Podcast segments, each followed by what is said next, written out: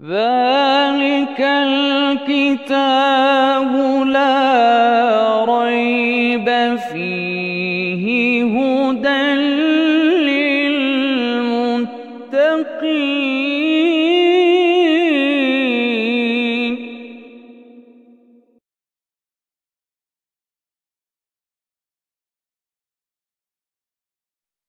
بسم الله الرحمن الرحيم. الحمد لله رب العالمين. وأفضل الصلاة وأتم التسليم على سيدنا محمد وعلى آله وصحبه أجمعين. اللهم علمنا ما ينفعنا وانفعنا بما علمتنا وزدنا علما وعملا متقبلا. أرنا الحق حقا وارزقنا اتباعه وأرنا الباطل باطلا وارزقنا اجتنابه. نسألك علم الخائفين منك وخوف العالمين بك وبعد. نحن في تفسير آيات في سورة الأنعام. أعوذ بالله من الشيطان الرجيم. وإذ قال إبراهيم لأبيه آزر أتتخذ أصناما آلهة؟ إني أراك وقومك في ضلال مبين. وكذلك نري إبراهيم ملكوت السماوات والأرض وليكون من الموقنين. فلما جن عليه الليل رأى كوكبا قال هذا ربي. فلما أفل قال لا أحب الآفلين. فلما رأى القمر بازغا قال هذا ربي. فلما أفل قال لئن لم يهدني ربي لأكونن من القوم الضالين. فلما رأى الشمس بازغة قال هذا ربي هذا أكبر. فلما أفلت قال يا قوم إني بريء مما تشركون. إني وجهت وجهي للذي فطر السماوات والأرض حنيفا وما أنا من المشركين. وحاجه قومه. قال أتحاجوني في الله وقد هدان؟ ولا أخاف ما تشركون به؟ إلا أن يشاء ربي شيئا وسع ربي كل شيء علما. أفلا تتذكرون؟ وكيف أخاف ما أشركتم ولا تخافون أنكم أشركتم بالله ما لم ينزل به عليكم سلطانا؟ فأي الفريقين أحق بالأمن إن كنتم تعلمون؟ الذين آمنوا ولم يلبسوا إيمانهم بظلم أولئك لهم الأمن وهم مهتدون. هذه آيات أيها الإخوة ولها تتمة إن شاء الله تعالى في الدرس القادم في واحدة من قصص سيدنا إبراهيم عليه السلام في القرآن الكريم مع قومه ومع أبيه. ولا تنسوا أن المسلمين سألوا ربهم قالوا اهدنا الصراط المستقيم في سورة الفاتحة فجاء الجواب في مطلع سورة البقرة ذلك الكتاب لا ريب فيه هدى للمتقين. فهذا القرآن بكل ما فيه وبكل آياته إنما هو دلالة إرشادية لكل واحد فينا في دنياه ليسعد فردا وأسرة ومجتمعا. وهذه الآيات تندرج في هذه الهداية والإرشاد. وسيدنا إبراهيم أبو الأنبياء. والقرآن الكريم يحدثنا عن مواقف جرت مع سيدنا إبراهيم. وقد كان قومه ومنهم أبوه يعبدون الأصنام والكواكب. يعبدون النجوم يعبدون الكواكب ويعبدون من جملة ذلك الأصنام أيضا. قال الله تعالى وإذ قال إبراهيم لأبيه إذ هذه ظرف بمعنى اذكر حين اذكر يا محمد صلى الله عليه وسلم واذكر يا أيها المؤمن الذي تقرأ القرآن الكريم بعد رسول الله صلى الله عليه وسلم حين قال إبراهيم لأبيه ازر أتتخذ اصناما آلهة؟ إني أراك وقومك في ضلال مبين الضلال هو الضياع والبعد عن الحقيقة. الإنسان إما أن يهتدي إلى طريقه أو أن يضل عنه. يعني إنسان ذاهب إلى حي المزرعة فضاع عن ذلك الطريق فهو ضال وقد ضل عن الوصول. وإما أن يصل إلى حي المزرعة فقد اهتدى. فسيدنا إبراهيم عليه السلام وعلى نبينا أفضل الصلاة والسلام بدأ بالدعوة إلى الله تعالى مع الدائرة القريبة مع والده مع أبيه إذ كان مشركا. وقال بعض المفسرين كان عمه هذا آزر كان عمه. مهما يكن من أمر فسيدنا إبراهيم بدأ بالدعوة إلى الله في الدائرة القريبة. إذ قال إبراهيم لأبيه آزر أتتخذ اصناما آلهة؟ أيعقل أن يكون هذا الحجر الذي تجمعه بيدك أو تلمه من الطريق بيدك. أيعقل أن يكون هذا الخشب الذي تصنعه بيدك؟ أيعقل أن يكون هذا الصنم الذي ينحت بيدك؟ أيعقل أنه هو الذي ينفعك هو الذي يضرك هو الذي يطعمك هو الذي يحميك هو الذي يرعاك. إني أراك وقومك في ضلال مبين. الضياع والبعد عن الحقيقة واضح في هذه المسألة وليس ثمة جدال كبير. لكن أيها الإخوة العجب أن هذا الإنسان في هذه الأرض ضاع كثيرا ولم ينقذه إلا هدي الله تعالى. فبعد زمن سيدنا إبراهيم كان هناك عباد للأصنام. وجاء سيدنا محمد صلى الله عليه وسلم وهناك عباد للأصنام. واليوم ونحن في عام 2023 والأمر عجيب هناك من يعبد الأحجار هناك من يعبد الأصنام هناك من يعبد الكواكب. ليس ثمة هداية لهؤلاء البشر ليس ثمة سعادة لنا مجتمعين أيها الإخوة أو متفرقين إلا كتاب الله وتعاليم الله التي جاء بها الأنبياء عليهم الصلاة والسلام. وإذ قال إبراهيم لأبيه آزر أتتخذ أصناما آلهة؟ إني أراك وقومك في ضلال مبين. لكن آزر يحتاج إلى إبراهيم. فكن أنت إبراهيم زمانك. لازم أنت تكون إبراهيم زمانك وتبحث عمن يخالف شرع الله تعالى لتدعوه إلى الله عز وجل.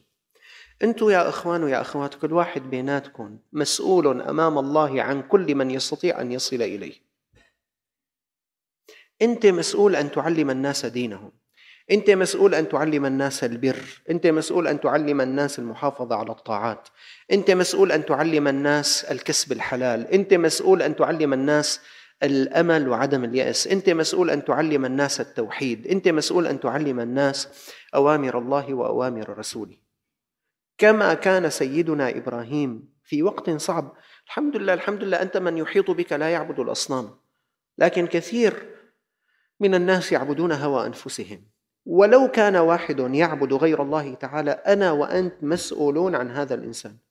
كن إبراهيم واحذر أن تكون آزر. كن محمدا صلى الله عليه وسلم واحذر أن تكون أبا جهل. كن موسى واحذر أن تكون فرعونا. وقد قال بعض الصالحين كل عصر فرعون فيه وموسى. كل عصر فرعون فيه وموسى. وأبو الجهل في الورى ومحمد صلى الله عليه وسلم. كل عصر في محمد كل عصر في إبراهيم في كل عصر في سيدنا موسى. فكونوا أيها الإخوة لما القرآن الكريم يقص علينا أخبار الأنبياء لأجل أن نكون منهم ومعهم ووراءهم. وفي خاتمة قصة سيدنا إبراهيم التي ستأتي في الدرس القادم يقول الله تعالى أولئك الذين هدى الله فبهداه مقتده. هيك امشوا أنتم وراء إبراهيم. فكل أخ بيناتكم يا إخوان وكل أخت لعل من حولك ينتظر منك كلمة. لعل صاحبا من أصحابك هو هو يطلب يعني في قلبه يتمنى أن تقول له تعال معي إلى الدرس. لعله يتمنى أن تقول له تعال لأعلمك الصلاة لكنه يستحي أن يخبرك. فبادر أنت وأنت اذهب إليه وأنت ادعوه إلى هذا الأمر. يا أيها الإخوة الخطيب البغدادي عالم من كبار علماء هذه الأمة من وفيات 463 للهجرة. ألف الخطيب البغدادي كتابا في مجلد كثير الصحائف عنونه الرحلة في طلب الحديث. ذكر فيه قصص أناس كثر من رجالات هذه الأمة كانوا يسافرون من بلد إلى بلد ومن مدينة إلى مدينة ومرة بعد مرة من أجل أن يتعلموا حديث رسول الله صلى الله عليه وسلم. ونحن ما وصل إلينا القرآن الكريم ولا وصل إلينا حديث رسول الله صلى الله عليه وسلم ولا وصل إلينا تعاليم هذا الدين إلا برجال قالوا كما قال سيدنا إبراهيم. إلا بنساء قلنا كما قال سيدنا إبراهيم. ولعلنا اليوم نشاهد وأنتم تطلعون في هذه أجهزة الاتصال على ومواقع الاتصال على أناس من الغرب أو الشرق أسلموا. وهم يلوموننا. لماذا لم نخبرهم بتعاليم هذا الدين؟ وواحدة منهن قالت لها من العمر أظن ستون سنة أسلمت الآن. قالت أنا إذا مت سأشكو هؤلاء المسلمين لرب العالمين. لأنكم تركتموني ستين سنة خمسين سنة ما أخبرتموني بهذا الدين. فأنت يا أخ مسؤول تخبر كل من حولك وتقول كما قال سيدنا إبراهيم. وبالحكمة وبالموعظة الحسنة هناك ينتشر الخير. من هنا قال الإمام الغزالي الأمر بالمعروف والنهي عن المنكر هو الركن الأعظم في هذا الدين. ولما أراد النبي صلى الله عليه وسلم أن يعرف الدين قال رسول الله صلى الله عليه وسلم الدين النصيحة. وكأن النصيحة تأخذ الدين كله. علما أن الدين هناك مفردات أخرى لكن يريد رسول الله صلى الله عليه وسلم أن يبلغك بعظم مسؤولية أن تنصح الآخرين وأن تأمر بالمعروف وأن تنهى عن المنكر وأن تدل العباد على الخير. وإذ قال إبراهيم لأبيه آزر أتتخذ اصناما آلهة؟ إني أراك وقومك في ضلال مبين. وكذلك وكما بين سيدنا إبراهيم لأبيه ضلاله عن الحق نري إبراهيم ملكوت السماوات والأرض وليكون من الموقنين. أيها الإخوة لعل تفسير هذه الآية كان صعبا قبل أسبوعين. لكن اليوم بإمكان كل واحد منا أن يتذوق معنى هذه الآية. الأسبوع الماضي حصلت زلزلة في مثل هذا اليوم واهتزت هذه الأرض في منطقة منها في أربعين ثانية. نسأل الله عز وجل أن يتولى المصابين بهذا الزلزال بولايته وأن يعتني بهم بعنايته وأن يرحم شهداءهم وأن يعوضهم ما فقدوه. هذه الأربعين ثانية آية من آيات الله وآية صغيرة من آيات الله تعالى لكن رجفت لها قلوب الخلائق. وكذلك نري إبراهيم ملكوت السماوات والأرض. أنت بس شفت جزء من آية اهتز قلبك. قال لي واحد من الأخوة قال لي أستاذ أنا كانت صلاتي ضعيفة. بعد الزلزال صرت أبادر بالصلاة. واحد من الإخوة قال لي كنت قبل حين أخرج من بيتي متوضئا لكن أنا نسيت هذا المساء. لما صار الزلزال صرت كل يوم قبل ما أطلع من البيت لازم أتوضأ لأنني أخاف أن يحدث شيء ولا أرجع. فهزة بسيطة آية من آيات الله تعالى. رجفت لها القلوب وأيقن الناس بكلام الله تعالى. أيقنوا بقول الله تعالى إذا زلزلت الأرض زلزالها أيقنوا قال الإنسان ما لها. أيقنوا بأن الله أوحى لها. أيقنوا بمعاني سورة الزلزلة. وأيقنوا بأن الله قادر. وأيقنوا بأن هذه الحياة الدنيا لعب وله. وأيقنوا بأن ما جمعه الإنسان من مال بلحظة يذهب. صار يقينا مو حديث غيبي يعني هو يؤمن بالغيب. وهذه آية لمدة أربعين ثانية. لكن الله عز وجل أرى سيدنا إبراهيم عليه السلام ملكوت السماوات والأرض يعني ملك. ملكوت هذه الواو والتاء لأجل المبالغة. يعني أراه ملك السماوات والأرض. قال وليكون من الموقنين. كيف يتجلى الله تعالى على أنبيائه؟ وكيف يريهم بقلوبهم أو بعقولهم أو بتفكيرهم؟ هذا أمر خص الله تعالى به أنبياءه. لكن الله عز وجل ثبت اليقين في قلب سيدنا إبراهيم وأراه ملكوت السماوات والأرض. ونحن اليوم يا إخوان إذا تفكر الإنسان تفكر في عظم هذه المجرات في عظم هذه الشمس في حركة هذه الأرض في عظم هذه الأقمار في عظم هذه الكواكب فإنه يخشع لله تعالى. هناك كتاب موجود في الأسواق اسمه الله يتجلى في عصر العلم. هذا الكتاب فيه عشرين محاضرة. هذه المحاضرات كتبها رجال غربيون باللغة الأجنبية ثم ترجمت وليسوا شيوخا وإنما كل منهم له اختصاص في علمه. يتحدثون عن أنفسهم كيف آمنوا من خلال مخابرهم كيف آمنوا من خلال مجاهرهم كيف آمنوا من خلال عدسات التلسكوب التي ينظرون فيها. واحد منهم كيميائي يقول كلما أردت أن أزداد قربا من القوة الفاعلة في هذا الكون دخلت إلى مخبري ونظرت في عدسة مجهري. لما بتطلع هيك على الخلايا بتطلع على مفردات هذه الخلايا قال ازداد قربا من القوة المؤثرة في هذا الكون. رب العالمين جل جلاله. وكذلك نري إبراهيم ملكوت السماوات والأرض وليكون من الموقنين. الآن الآيتان تؤكد تؤكدان أن سيدنا إبراهيم ملئ إيمانا إلى مشاشه كما سمعتم في حديث النبي صلى الله عليه وسلم بل هو أبو الأنبياء. الآن بعد أن تكلم مع أقرب الناس إليه مع أبيه أو عمه انطلق إلى من حوله إلى قومه. قال فلما جن عليه الليل أظلم عليه الليل واسود الليل رأى كوكبا طالعا في السماء. قال هذا ربي.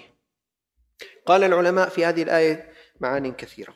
واحدة منها من المعاني استخدم إبراهيم مع قومه مسألة موجودة في الرياضيات اسمها نقض الفرض. تذكرون من درس الرياضيات في طرق لإثبات المسائل تعتمد على نقض الفرض.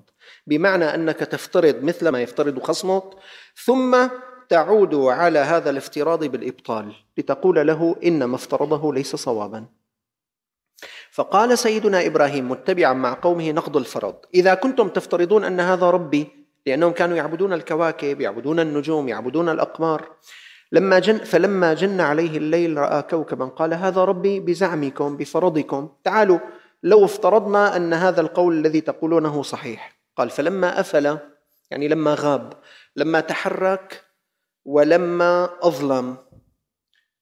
والرب مستحيل أن ينتقل من مكان إلى مكان لأن هذا الرب لو انتقل لكان حادثا والحادث يحتاج إلى محدث. أنا أنتقل من مكان إلى مكان لأنه لي جرم محدد. أنت تنتقل من مكان إلى مكان. أنت تحضر وتغيب لأنك حادث لك محدث رب العالمين. هذا الكوكب الذي قال عنه سيدنا إبراهيم هذا ربي بفرضهم وبزعمهم. قال لما أفل لما تحرك. قال معقول الرب يتحرك؟ معقول الرب يغيب؟ معقول الرب يتغير؟ يكون مشعا يصير مظلما؟ قال لا أحب الآفلين فضلا عن أن أعبده وأن أطيعه. فعاد على فرضهم بالنقض. فقال لهم لا يكون هذا ربا. فلما رأى القمر بازغا قال هذا ربي. بالقضية نفسها ينقض افتراضهم. فلما أفل قال لئن لم يهدني ربي لأكونن من القوم الضالين. فلما رأى الشمس بازغة هو يتابع معهم يحاول أن يناظرهم بحجة قال طيب يلا هذه الشمس أكبر. هذا ربي بزعم طائفة منكم.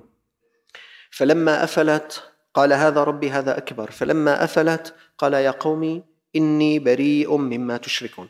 الآن وصل إلى النتيجة التي يريد. قال لهم إذا كانت هذه الحوادث تتغير وتتحرك وتتبدل فإن العقل السليم لا يوافق أن تكون إلها.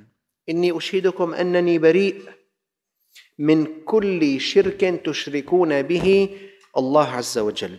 إني بريء مما تشركون. طيب ماذا ستعبد يا إبراهيم؟ إني وجهت وجهي وجهت وجهي يعني وجهت ذاتي. وأطلق على الذات الوجه لأن أشرف ما في الإنسان وجهه. إني وجهت ذاتي للذي فطر السماوات والأرض. حنيفا يعني مائلا عن الشرك. مستقيما على التوحيد. وما أنا من المشركين. الآن يا أيها الإخوة كل واحد بيناتكم ونحن في صلاتنا إذا استفتحنا الصلاة دعونا بهذا الدعاء بدعاء سيدنا إبراهيم. عند السادة الشافعية وجهت وجهي للذي فطر السماوات والأرض حنيفا مسلما وما أنا من المشركين. كل واحد بيناتكم يا أخوات توجه وجهك لله. وقبل ما تنام علمنا رسول الله صلى الله عليه وسلم اللهم وجهت وجهي إليك وألجأت ظهري إليك. وفوضت أمري إليك رغبة ورهبة إليك. كلكم يا إخوان ويا أخوات كل واحد يوجه ذاته كلها لله تعالى. شو معنى توجه ذاتي كلها لله تعالى؟ يعني أنا تعاليمي من أمر الله. وأتلقى توجيهاتي من حضرة الله. وأمتثل ما يأمر الله. وأجتنب ما نهى الله تعالى عنه. هذا معناه توجهت وجهك لله تعالى. يعني إذا رفيقي دعاني إلى أمر سأسأل الله. أنا من جماعة وجهت وجهي للذي فطر السماوات والأرض. إذا دعتني زوجتي إلى أمر سأسأل رب العالمين. إذا دعاني زوجي إلى أمر سأسأل رب العالمين. إذا دعاني مصلحتي إلى أمر سأسأل رب العالمين. إذا دعاني صاحبي لأحلف يمينا زورا في محكمة على أمر سأسأل رب العالمين. كيف أسأل رب العالمين؟ يعني أسأل قرآنه. يعني أسأل حديث نبيه صلى الله عليه وسلم. يعني أسأل القرآن والسنة. وحتى أسأل القرآن والسنة بده يكون لي شيخ معلم أسأله فيجيبني. وإلا أنا لعلني يغيب عني عدد من كلام الله آيات الله ويغيب عني عدد من كلام رسول الله صلى الله عليه وسلم. من أجل هذا جعل الله تعالى العلماء منارات لهذه الأمة وسرجا لهذه الأمة. إني وجهت وجهي للذي فطر السماوات والأرض. أنا مو وجهت وجهي إلى القمر. كيف يعبد هذا القمر؟ كيف يعبد هذا الكوكب؟ كيف يعبد هذا الصنم؟ كيف يعبد هذه الشمس؟ بالمقابل يا إخوان كيف يعبد المال؟ شو معنات يعبد؟ يعبد يعني يطاع أمره ونهيه. يعني مشان المصاري هو مستعد يفعل ما شئت. بيقول لك أخي هات مصاري وشو بدك تساوي؟ واحد بيقول له للثاني بدي إياك تنزل معي تشهد شهادة زور بمعيتك وإلك خمسمائة ألف ورقة سوري إنه إلي مع فلان خمسة مليون مشان تشهد معي. قال له ليش لهلأ ما رجع لك إياهم يا لطيف فورا فورا دخل في طاعة المال من دون أي مراجعة ومن دون أي تفكير. مشان خمسمائة ألف خلاص مزبوط إلك معه ما رجعون وبحلف لك عشر أيامين. هذه عبادة المال. هناك أناس يوجهون وجوههم ذاتهم للمال بيقول لك أنا عايش مشان المصاري هناك أناس يوجهون وجوههم للطعام والشراب بيقول لك أنا عايش مشان آكل. هناك أناس يوجهون وجوههم للشهوات بيقول لك أنا كل عيشتي مشان أقضي شهوتي. أعوذ بالله من الشيطان الرجيم. الشريعة الإسلام دين الله أنبياء الله تعالى أرادوا أن يرفعوك. يرفعوك حتى تصير قبلتك رب العالمين. حتى تصير وجهتك رب العالمين. حتى تصير أوامرك تتلقاها من رب العالمين. قديش في فرق بين واحد يتلقى تعاليمه من فوق واحد يتلقى تعاليمه من, من تحت؟ قديش في فرق بين إنسان يتلقى تعاليمه من رب العالمين ممن فطر السماوات والأرض وإنسان يتلقى تعاليمه من مصالح مالية. سيدنا إبراهيم إني وجهت وجهي للذي فطر السماوات والأرض حنيفا وما أنا من المشركين. قال وحاجه قومه. يعني جادلوه. وأنت أيها الأخ بعد ما تدعو أقاربك وتدعو قومك وتدعو من تستطيع أن تصل إليهم سيأتي من يجادلك. ويأتي ومن يعترض عليك. قال وحجه قومه. وحاجه قومه. قال أتحاجوني في الله وقد هدان. كيف كيف هذه هي الحجة والبينة والدليل الواضح وقد ألقى الله تعالى في قلبي هذه الهداية إلى عبادته وطاعته. ولا أخاف ما تشركون به. لأنه قالوا له دير بالك يا إبراهيم إذا أنت ما عبدت الكواكب ما عبدت الأصنام يأتيك مس بعدين منها بعدين تؤذيك هذه الأصنام. قال ولا أخاف ما تشركون به. أنا لا أخاف هذه الأصنام ولا أخاف هذه النجوم والكواكب إلا أن يشاء ربي شيئا. إذا الله آمر أنه أنا أمرض بمرض أنا صح بصح أنا أغنى بغنى أنا أفقر أفقر. وسع ربي كل شيء علما أفلا تتذكرون؟ يقول وكيف أخاف ما أشركتم؟ ولا تخافون أنكم أشركتم بالله ما لم ينزل به عليكم سلطانا. كيف أنا بدي أخاف من الأصنام وأنتم لا تخافون من الله عز وجل؟ فأي الفريقين أحق بالأمن وأيهما أحق بالخوف؟ إن كنتم تعلمون. الذي يجب أن يخاف الآن في هذه الزلزلة أيها الإخوة من كان غير مؤمن خاف. توارت أصوات غير المؤمنين الذين يخرجون مرات على مقاطع اليوتيوب ويتحدثون عن الإلحاد ونقض الدين. أين هم عند الزلزال؟ هل سمعتم أحدا؟ تواروا. خائفين يخافون لأنهم رأوا أن الأمر حقيقة وأنهم بقبضة الله تعالى وأن كل ما عندهم بثوان ينتهي. لكن أهل الإيمان أنتم رأيتم حتى في نفس هذا الزلزال. رأيتم أهل الإيمان رأيتم الطفل ورأيتم الشيخ ورأيتم المرأة التي تحافظ على سترتها ورأيتم الشيخ الذي يتأسف أن فاتته صلاة ورأيتم من يحافظ على أوامر الله تعالى ورأيتم أهل الإيمان كيف فزعوا. لكي يتضرعوا إلى الله وينصروا إخوانهم ويعينوهم. فأي الفريقين أحق بالأمن؟ إن كنتم تعلمون. أنتم لازم تخافون لأنكم عبدتم مع الله غيره. أما من كان من جماعة لا إله إلا الله فأحلى ساعة عنده ساعة لقاء الله لا يخاف. قال الله تعالى على لسان سيدنا إبراهيم الذين آمنوا ولم يلبسوا إيمانهم بظلم يعني لم يخلطوا إيمانهم بشرك أولئك لهم الأمن. وهم مهتدون. أنتم ترون أيها الإخوة أن الواحد فيكم إذا بات على سريره يبيت آمنا مطمئنا. الحمد لله. أنت مؤمن بالله ربا ومؤمن بملائكة الله وكتبه ورسله واليوم الآخر والقضاء والقدر. الحمد لله أنت من المصلين الصائمين دافعي الزكاة أكرمك الله بالحج أو أنك تسعى إليه. الحمد لله ما في حدا من هالعباد له عندك حقوق لا ظلمت. ولا سرقت ولا اعتديت ولا زنيت ولا امتدت يدك إلى حرام فأنت تنام قرير العين. لكن من خلط إيمانه بظلم أعوذ بالله يلي معتدي على أموال الناس وحانت ساعة اللقاء يخاف لقاء الله تعالى. يلي مؤدي للناس حقوقهم وحانت ساعة اللقاء بيقول لك أنا جاهز. والله يقول لي أحد التجار قصة قديمة. قال لي أستاذ أنا بفضل الله بفضل الله. في أي لحظة أدعى للقاء الله ما أحد من العباد له علي حق. إن شاء الله أكون قد أديت ما أمرني به ربي. فأنا مستعد للقاء الله. شو هذا شو هالأمن يا إخوان؟ وأنتم نصيحة يا إخوان كل واحد يجهز حاله للقاء رب العالمين. كيف؟ بامتثال أوامره واجتناب نواهيه. هناك أنت تكون مطمئنا وهذا الاطمئنان وهذا الأمن يظهر في وجهك وفي تصرفاتك وفي عملك وفي وفي سيرة حياتك. لماذا تسمعون عن حوادث انتحار فوق العد في بلاد شرقية وغربية لا تؤمن بالله ربا؟ لما؟ لما ينتحر؟ خائف. لماذا تسمعون عن أمراض نفسية تفتك بغير المؤمنين؟ خائف. المؤمن. المصاب جلل هذا الحادث الذي جرى جلل كبير خطب شديد جدا.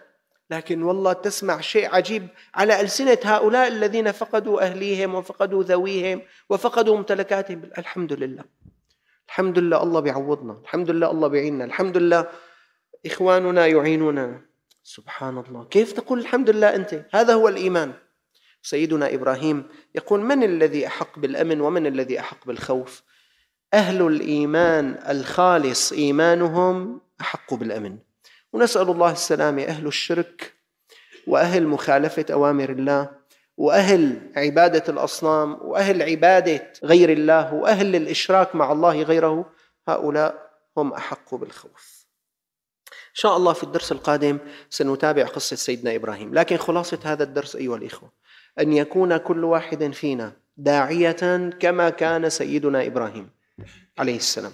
داعية لأرحامه وأهله من حوله. ثم فليكبر الدائرة ما استطاع.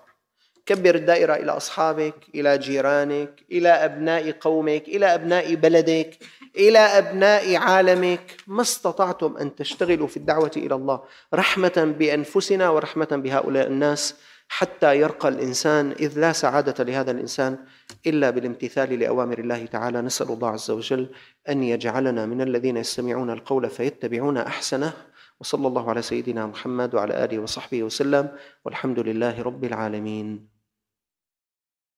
ذلك الكتاب لا